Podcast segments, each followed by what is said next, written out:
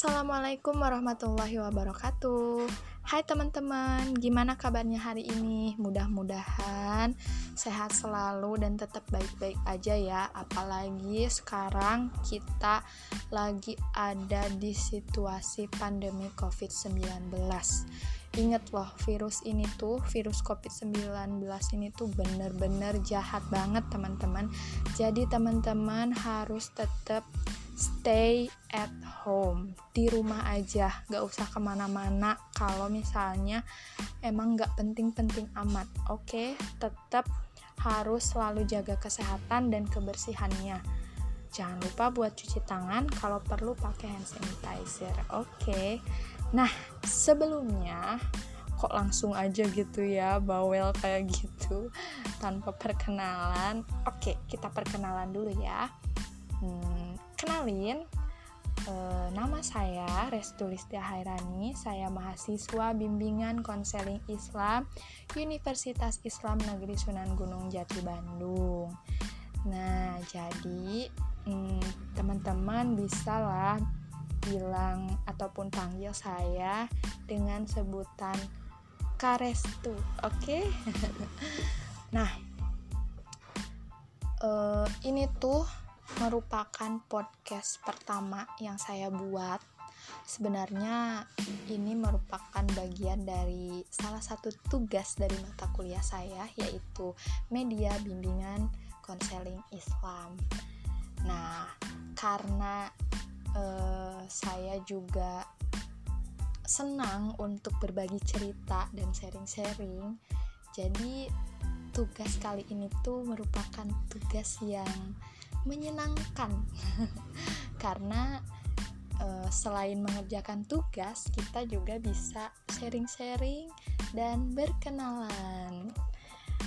Oke di episode pertama ini saya akan membahas atau sharing mengenai minder.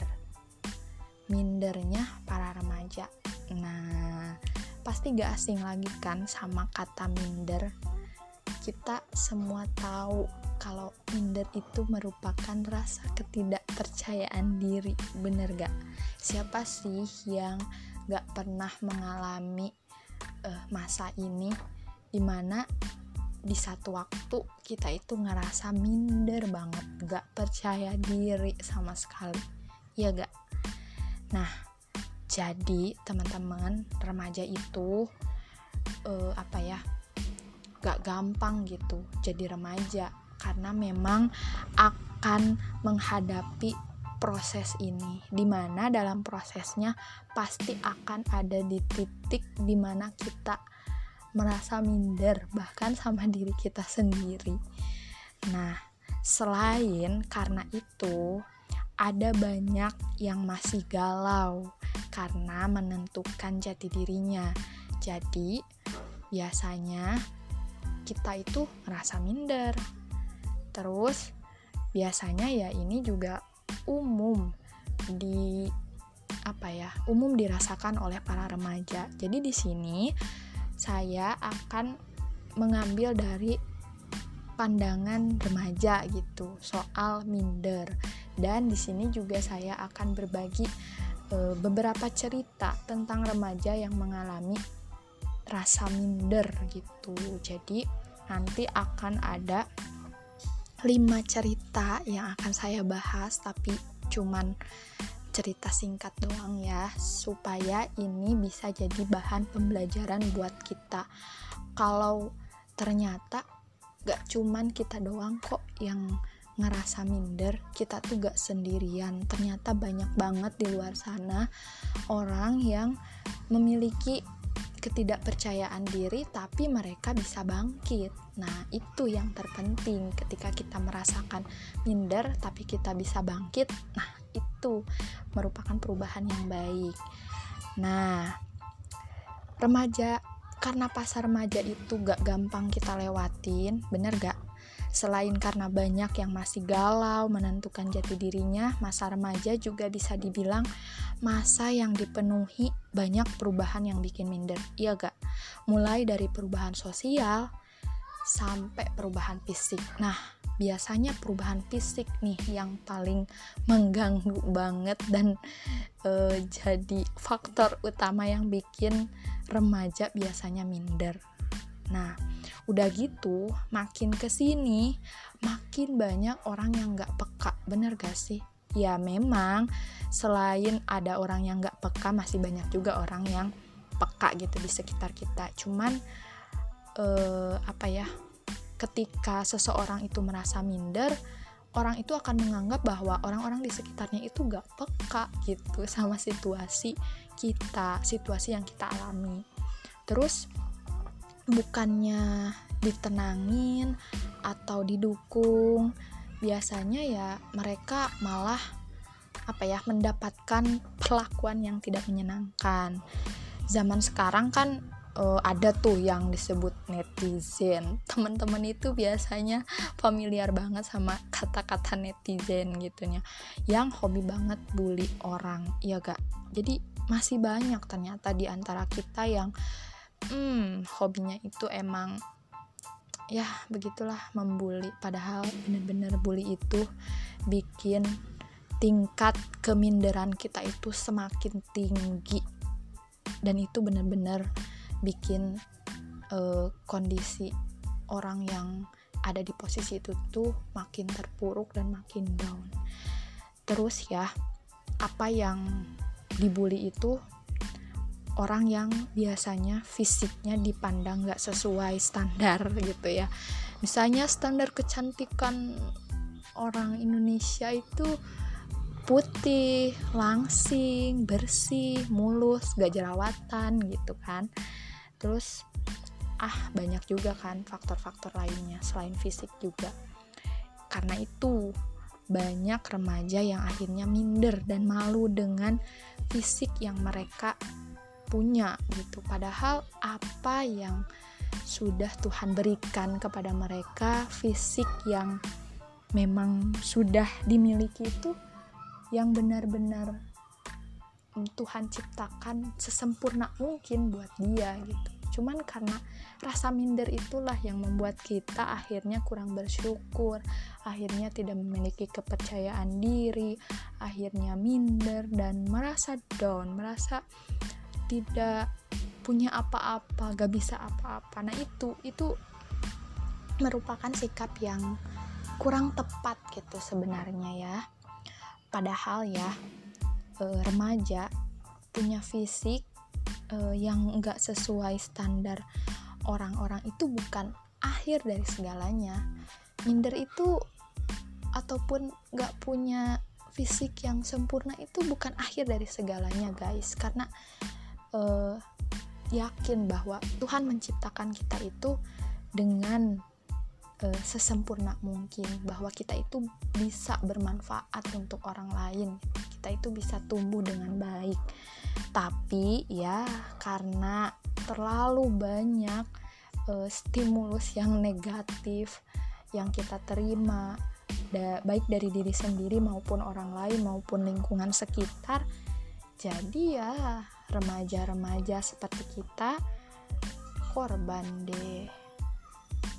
Nah sampai-sampai minder dan ngerasa patah semangat. Gitu. Padahal nih ya uh, kakak punya cerita dari orang-orang yang memang pernah cerita berbagi cerita sama kakak. Cerita yang pertama nih ya. Jadi uh, inisialnya aja ya karena ini adalah bimbingan konseling jadi di dalam bimbingan konseling itu ada yang namanya asas kerahasiaan jadi di sini kakak bakalan bercerita dengan memakai inisial saja ya. Nah, jadi cerita yang pertama. Namanya itu inisialnya F. Dia merupakan remaja usianya sekitar 16 sampai 18 tahunan lah. Tinggi badannya itu kurang dari 150 cm dan jadi yang paling pendek di sekolah ya kebayangkan ya 150 cm kurang gitu kurang dari 150 cm sedangkan usia dia itu uh, antara 16 sampai 18 tahun. Nah dia itu ceritanya kayak gini. Kak banyak yang ngatain aku konten oh astagfirullah. Kebangetan banget ya nyebut konten karena tinggiku yang jauh di bawah rata-rata kebanyakan teman-teman seusiaku katanya. Karena itu aku jadi minder banget apalagi saudara-saudaraku juga nggak ngebantu. Keluarga besar malah marahin orang tuaku. Dan nuduh mama nggak peduli dengan pertumbuhanku. Ngeliat mama sedih dimarahin kayak gitu sumpah aku jadi gak semangat lagi dan malah minder. Aku down banget. Oh ya ampun. Ini nih. Ini akibat dari kita hmm, apa ya ngatain orang ngebully orang. Kita gak pernah tahu loh ketika dia minder itu kapasitas mindernya sampai di mana. Dan masalah yang akan muncul dari rasa minder akibat omongan kita itu kita gak pernah tahu. Bisa jadi kan akibatnya sampai sebesar ini. Nah terus nih ya lanjut lagi. Cerita yang kedua. Inisialnya R. Usianya 17 tahun. Teman-temannya sering ngatain dia tengkorak berjalan. Ya Allah ini apa lagi? Sabar ya dek. Katanya nih ya teman-teman aku sering banget bilang kamu mah enak makan banyak tapi nggak bisa gendat gendat itu gendut ya teman-teman. Mungkin bagi mereka itu seperti sebuah berkah tapi bagi aku kak itu enggak sama sekali. Badanku jadi kurus kering sampai-sampai aku diejek tengkorak berjalan bayangin. Padahal aku udah dibeliin suplemen sampai minum jamu tapi tetap aja nggak nambah-nambah gemuk. Emang badannya mau gini sampai-sampai orang tua juga diomelin keluarga besar karena badanku yang dibilang kayak anak. Gak keurus sebel sumpah kasihan banget sama orang tua. Ya ampun tuh kan guys. Lihat nih dengerin nih. Bayangin juga gimana rasanya ketika kita dibully bahkan kan ujung-ujungnya masalahnya jadi nyebar ke keluarga. Jadi hati-hati nih sama mulut ya Allah.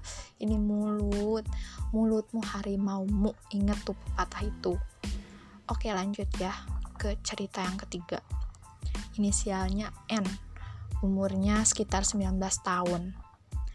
Dia bercerita katanya sejak masuk usia 16 tahunan jerawat kayak apa sih nih jerawatnya itu tumbuh muncul. Terus gara-gara jerawat katanya rasanya aku minder banget teh. Tiap ngumpul bareng teman-teman dan diajakin foto bareng bawaannya pengen pakai topeng aja karena jerawat aku tuh terlalu banyak. Iya sih mereka emang gak pernah komentar yang sampai gimana gitu ngatain aku jerawatan. Tapi tetap aja aduh maaf ya guys. Banyak banget ini suara berisik. Oke lanjut ya. Sampai-sampai katanya aku gak pernah mau upload foto yang ada mukaku sendiri di medsos. Saking mindernya. Oh my god. Ini nih. Ini juga minder karena fisik yang kita punya. Fisik dari diri sendiri gitu. Jadi ini rasa minder yang muncul dari diri sendiri. Oke next cerita selanjutnya. Inisialnya B, usianya 18 tahun.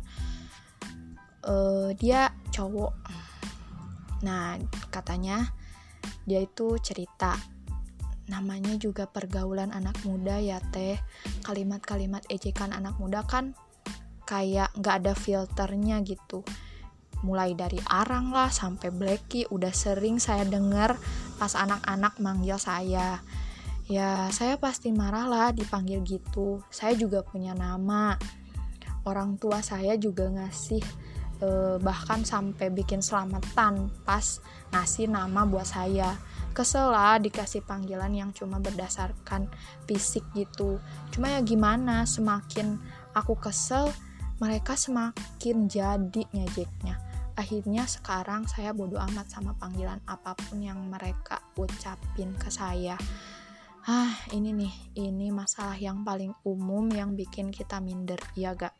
Kadang beberapa dari teman kita itu emang seenak jidat ngomong ataupun manggil nama kita dengan sebutan nama-nama yang aneh.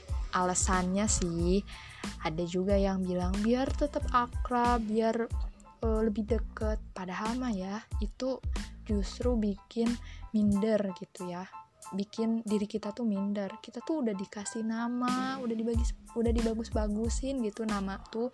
Bahkan ya kata si B ini kan uh, apa sih sampai diselamatin gitu ya buat ngasih nama doang. Tapi ya kadang ada orang yang malah bikin plesetan dari nama-nama kita. Padahal sebuah nama itu adalah doa guys. Oke lanjut. Cerita yang terakhir inisialnya L usianya 18 tahun berat badannya hampir 90 kg dan sering jadi bulan-bulanan bully astagfirullah. Dan bener deh ini kenapa sih banyak orang yang ngebully tentang fisik gak ngerti lagi kenapa gitu. Padahal kan tiap orang tuh punya fisik yang berbeda-beda punya keunikan yang berbeda-beda punya kelebihan dan kekurangannya masing-masing. Tapi kenapa itu mulut? Ya Allah kayaknya apa ya gemes banget gitu buat nggak ngebully sehari itu. Ya Allah Astagfirullahaladzim mana ini bulan puasa lagi? Ya Allah banyak-banyak istighfar ya teman-teman. Dan hati-hati sama yang namanya omongan. Kita gak pernah tahu sekali lagi kita gak pernah tahu omongan kita itu sekalipun niatnya kita bercanda belum tentu orang lain yang kita katain itu ngerasa bahwa itu teh bercanda. Bisa aja dianggapnya serius bisa aja dianggapnya itu tuh sebagai bentuk ejekan yang bikin dia sakit hati. Kalau orang udah sakit hati itu kan aduh apalagi bulan puasa kayak gini itu jadi dosa guys. Aduh mudah-mudahan kita terhindar ya dari sifat-sifat bully-bulian dan gatel buat ngatain orang ya. Oke lanjut ke ceritanya ini malah panjang lebar. Nah dia tuh cerita pernah gak sih kak kamu bayangin gimana tiap hari dalam hidup kakak ada aja orang yang ngejek kakak sampai-sampai panggilan endut embul bahkan sampai bilang gentong dan lain sebagainya. Yang awalnya bikin aku marah dan sedih. Sekarang sih udah jadi bodoh amat. Tapi ya tetap aja rasanya sakit banget kalau tiap dipanggil mereka kayak gitu. Tapi meski di luar aku kelihatan be aja pas sama mereka. Gak jarang aku sebenarnya nangis pas udah di kamar sendirian kak. Asli rasanya sakit hati banget pas mereka manggil gitu tuh. Pokoknya tiap mereka manggil kayak gitu aku ngerasa sakit hati. Ya meski aku tahu mereka cuman guyon tapi tetap aja bikin sakit hati. Tuh kan guys apa yang barusan aku bilang tetap kita emang niatnya bercanda tapi kan belum tentu orang lain nganggapnya bercanda. Bisa jadi bercandaan kita itu malah justru bikin sakit hati. Nah loh gimana kalau udah kayak gini? Anak orang loh dibikin nangis apalagi bulan puasa ya gak dosa tuh. Batal deh udah puasanya bikin nangis orang. Ya begitulah cerita cerita tentang rasa minder yang dialami uh, tiap orang. Ternyata tiap orang itu punya cerita mindernya masing-masing gitu. Nah, setelah teman-teman mendengarkan cerita-cerita tersebut, gimana perasaannya? Gimana bayangin kalau ada di posisi mereka? Pasti gak nyaman kan? Makanya kita jangan sampai memperlakukan teman-teman kita kayak gitu apalagi sampai ngata-ngatain, ngebully dan lain sebagainya. Nah, kalau misalkan sekarang kita ada dalam posisi seperti yang mereka alami, kita juga jangan sedih. Dari cerita-cerita juga mereka seakan-akan kan tadi juga bilang kalau ya udah bodoh amat. Nah mereka itu e, dengan sikap bodoh amatnya untuk mengurangi intensitas kesedihannya. Kesedihan dari kata-kata ataupun bulian-bulian yang dilontarkan gitu e, sama orang-orang buat mereka. Nah jadi e, buat teman-teman yang merasa minder teman-teman tuh gak sendirian kok. Ada banyak orang-orang yang juga mengalami hal yang sama kayak teman-teman. Dan ya seperti remaja-remaja yang tadi ceritanya udah uh, kakak sampaikan gitu.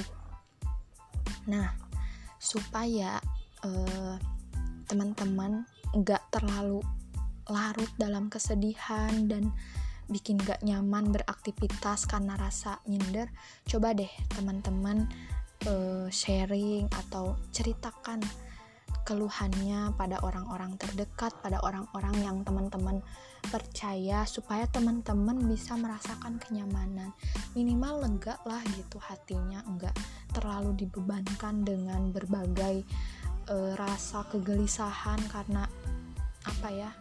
Minder, rasa minder ataupun ketidakpercayaan diri yang teman-teman alami. Nah, semisal teman dekat, orang tua, atau guru BP, atau bisa dibilang konselor.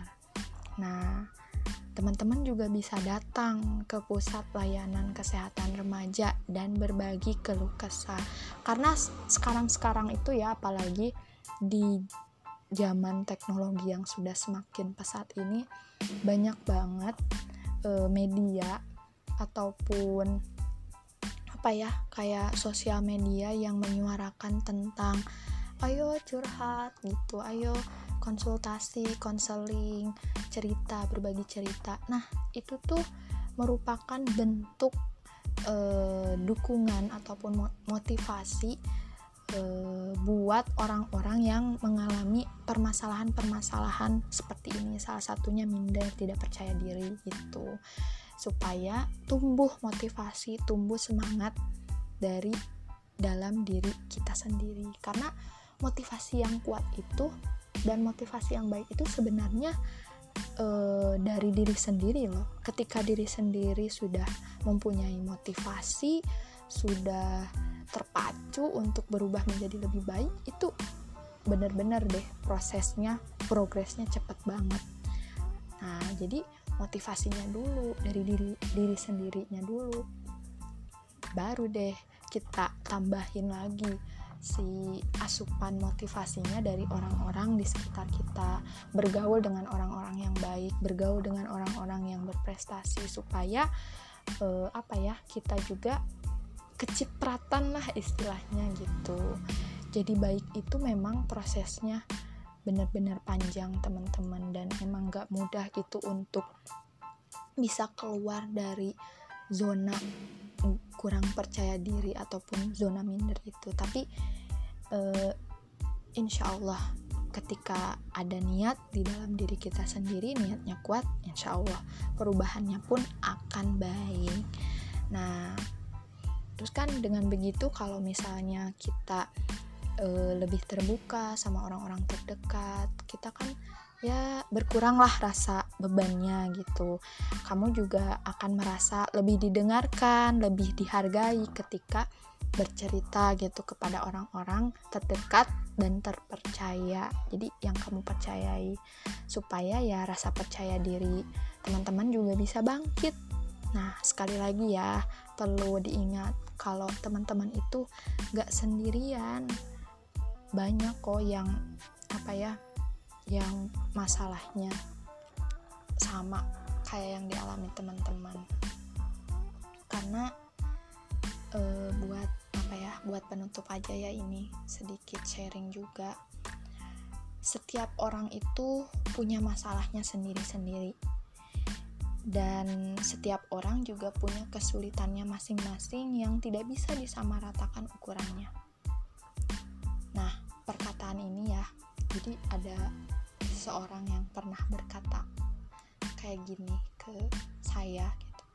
Perkataannya ini sampai sekarang selalu kakak ingat ketika terutama ya terutama ketika kakak mulai membanding-bandingkan diri kakak sendiri dengan orang lain. Jadi nggak cuma teman-teman kok yang merasa minder karena e, berbagai masalah yang teman-teman hadapi. Saya juga pernah mengalami saya juga pernah ada di posisi teman-teman di mana uh, saya itu apa ya membandingkan diri dengan orang lain gitu. Tapi karena perkataan itu maaf ya berisik banget ini. Banyak banget gangguannya oke lanjut. Karena perkataan itu perkataan bahwa tiap orang itu ternyata punya masalahnya sendiri-sendiri dan tiap orang punya kesulitannya sendiri-sendiri yang tidak bisa disamaratakan itu barulah saya sadar bahwa ya setiap orang itu berbeda-beda dan punya medan perangnya sendiri. Mungkin pengalaman satu orang dengan orang lainnya mirip tapi tetap aja kan cara mereka merasakannya berbeda dan tidak bisa dibilang bahwa kitalah orang yang paling sedih ya ingat kita tidak bisa uh, bilang bahwa kitalah orang yang paling sedih paling jelek paling bodoh paling jerawatan paling gak sempurna sampai menjadikan diri sendiri sebagai korban.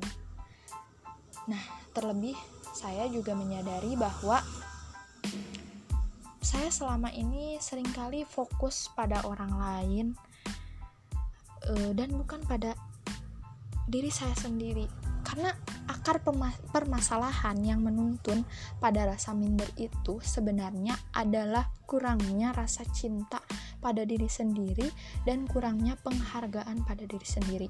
Kadang kan karena kita minder itu justru rasa cinta kita pada diri sendiri itu bakalan berkurang, guys. Nah, saya dulu melakukan sesuatu karena ingin menunjukkan pada orang lain bahwa saya juga bisa gitu ya seperti dia. Tapi ternyata salah guys. Apa yang saya lakukan itu ternyata salah. Karena merasa tadi membanding-bandingkan diri sendiri dengan orang lain jadi kadang apa ya saya juga ngerasa bahwa ah saya juga bisa gitu. Saya juga bisa melakukan hal yang uh, orang itu lakukan gitu. Tapi ternyata dengan ambisi itu jatuhnya malah salah gitu. Apa yang saya lakukan tuh salah. Bukannya meningkatkan kepercayaan diri gitu ya.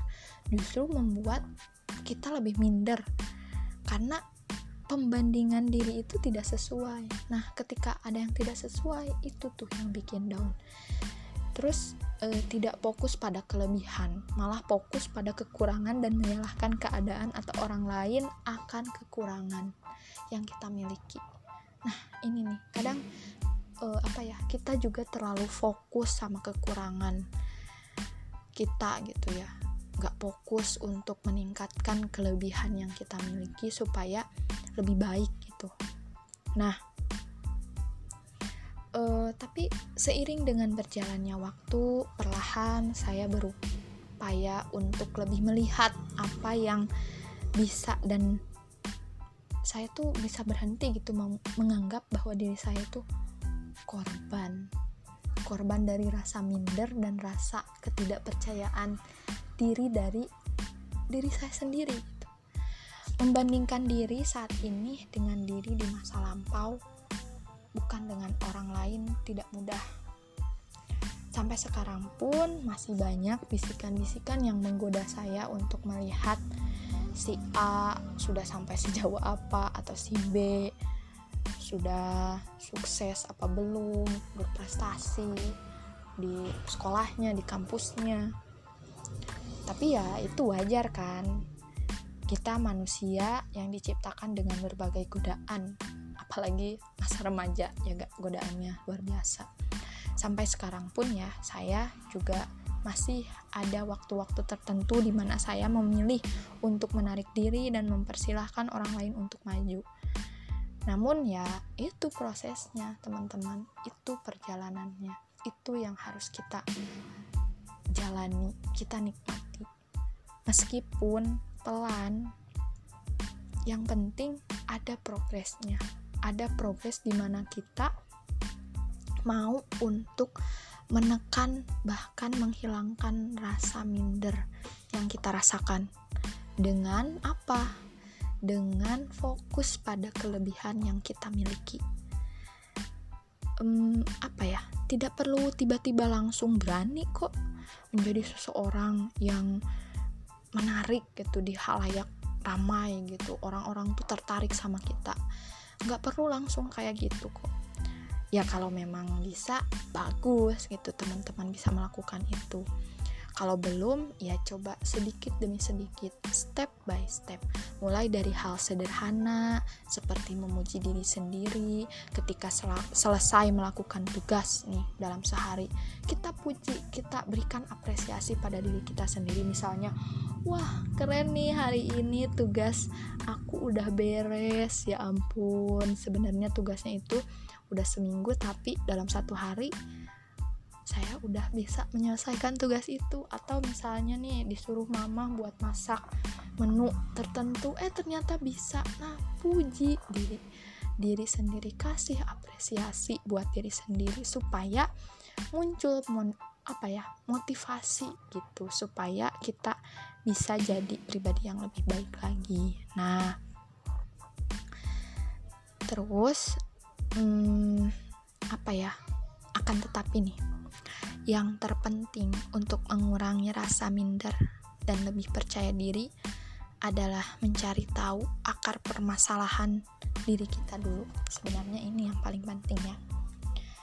Jadi apa sih yang membuat kita minder? Ya ampun pakai ada teriakan segala. Maaf ya teman-teman. Oke lanjut. Jadi kita harus tahu apa sih yang membuat kita minder. Apakah itu karena pernah memiliki pengalaman yang sulit atau pernah dipermalukan, pernah diejek, pernah dibully atau bahkan merasa bersalah pada diri sendiri karena suatu kejadian yang tidak menyenangkan atau apa pun itu. Setelah itu, akui kalau ketakutan-ketakutan itu, rasa minder itulah yang menjadi sumber kelemahan. Kemudian baru deh fokus pada kelebihan kita. Contoh kecilnya nih ya, adalah kelebihan kita sudah berani mengakui kelemahan. Nah, ini udah jadi kekuatan untuk meningkatkan rasa percaya diri. Nah, pasti ada hal baik yang pernah kita lakukan dan apa ya jadi kita tuh jangan merasa bahwa apa yang kita lakukan itu ah tidak berguna. Justru perkataan seperti itulah yang buat kita jadi semakin minder. Maka ya itu tadi jadi harus fokus gitu sama kelebihan yang kita uh, miliki dan cari gitu akar permasalahannya. Karena apa ya akar permasalahan dari rasa minder itu tuh apa ya akar permasalahan yang menuntun pada rasa minder adalah kurangnya rasa cinta pada diri sendiri dan kurangnya penghargaan pada diri sendiri. Jadi teman-teman supaya kita nggak minder lagi yuk kita mulai untuk mencintai diri kita sendiri dan uh, menghargai apa yang ada di dalam diri kita sendiri, juga fokus pada kelebihan. Jangan sampai fokus pada kekurangan, karena kalau kita terlalu fokus pada permasalahannya, terlalu fokus pada kekurangannya, mau gimana kita mencari solusi atas permasalahan tersebut ya gak jadi teman-teman di sini uh, jangan merasa sendiri teman-teman gak sendiri kok. Teman-teman gak sendiri punya rasa minder itu. Gak sendirian. Tiap orang pun pernah melakukan ataupun pernah merasakan hal-hal yang teman-teman rasakan juga. Cuman intensitasnya mungkin berbeda terus kejadiannya berbeda waktunya berbeda. Seperti itu. Ya mirip-mirip mungkin ada. Jadi teman-teman jangan merasa sendiri merasa minder sendiri merasa jadi korban. Teman-teman harus bangkit teman-teman harus bisa uh, meningkatkan rasa percaya dirinya. Fokus pada kelebihan teman-teman asah skill yang teman-teman punya. Karena yaitu tadi tiap manusia diberikan kelebihan diberikan fasilitas sama Tuhan jadi manfaatkan sebaik mungkin. Jadilah pribadi yang uh, baik mungkin gitu ya. Yang bisa bermanfaat uh, bagi diri sendiri dan orang lain.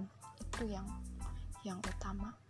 Jadi stop buat minder bangkit semangat dan terus berkarya. Oke? Okay? nah mungkin itu ya sharing-sharing kita di episode tentang minder ini.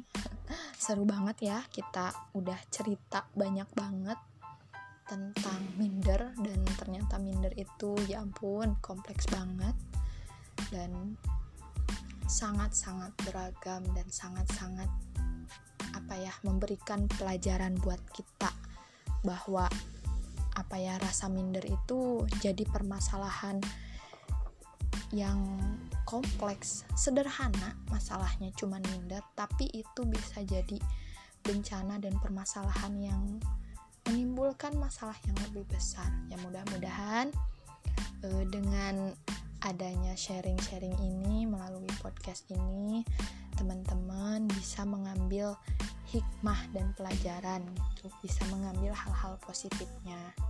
Apabila ada kekurangan ataupun kesalahan, uh, mohon dimaafkan ya uh, ya saya harap di lain waktu uh, saya bisa membuat episode-episode selanjutnya yang lebih menarik, yang lebih uh, menghibur, yang lebih bermanfaat lagi buat teman-teman. Di sini kita belajar karena proses belajar dan latihanlah yang membuat kita jadi orang yang lebih baik. Karena hidup itu proses yang amat panjang. Oke sekian dari saya.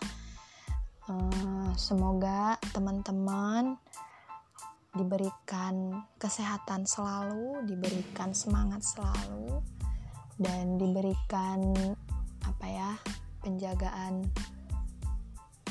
pokoknya karena saat ini pandemi kita sedang berada di pandemi jadi tetap hati-hati jaga kesehatannya jaga kebersihannya juga.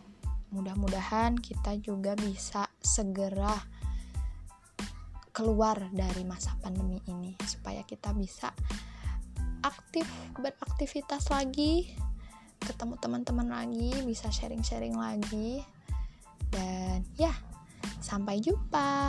Assalamualaikum warahmatullahi wabarakatuh.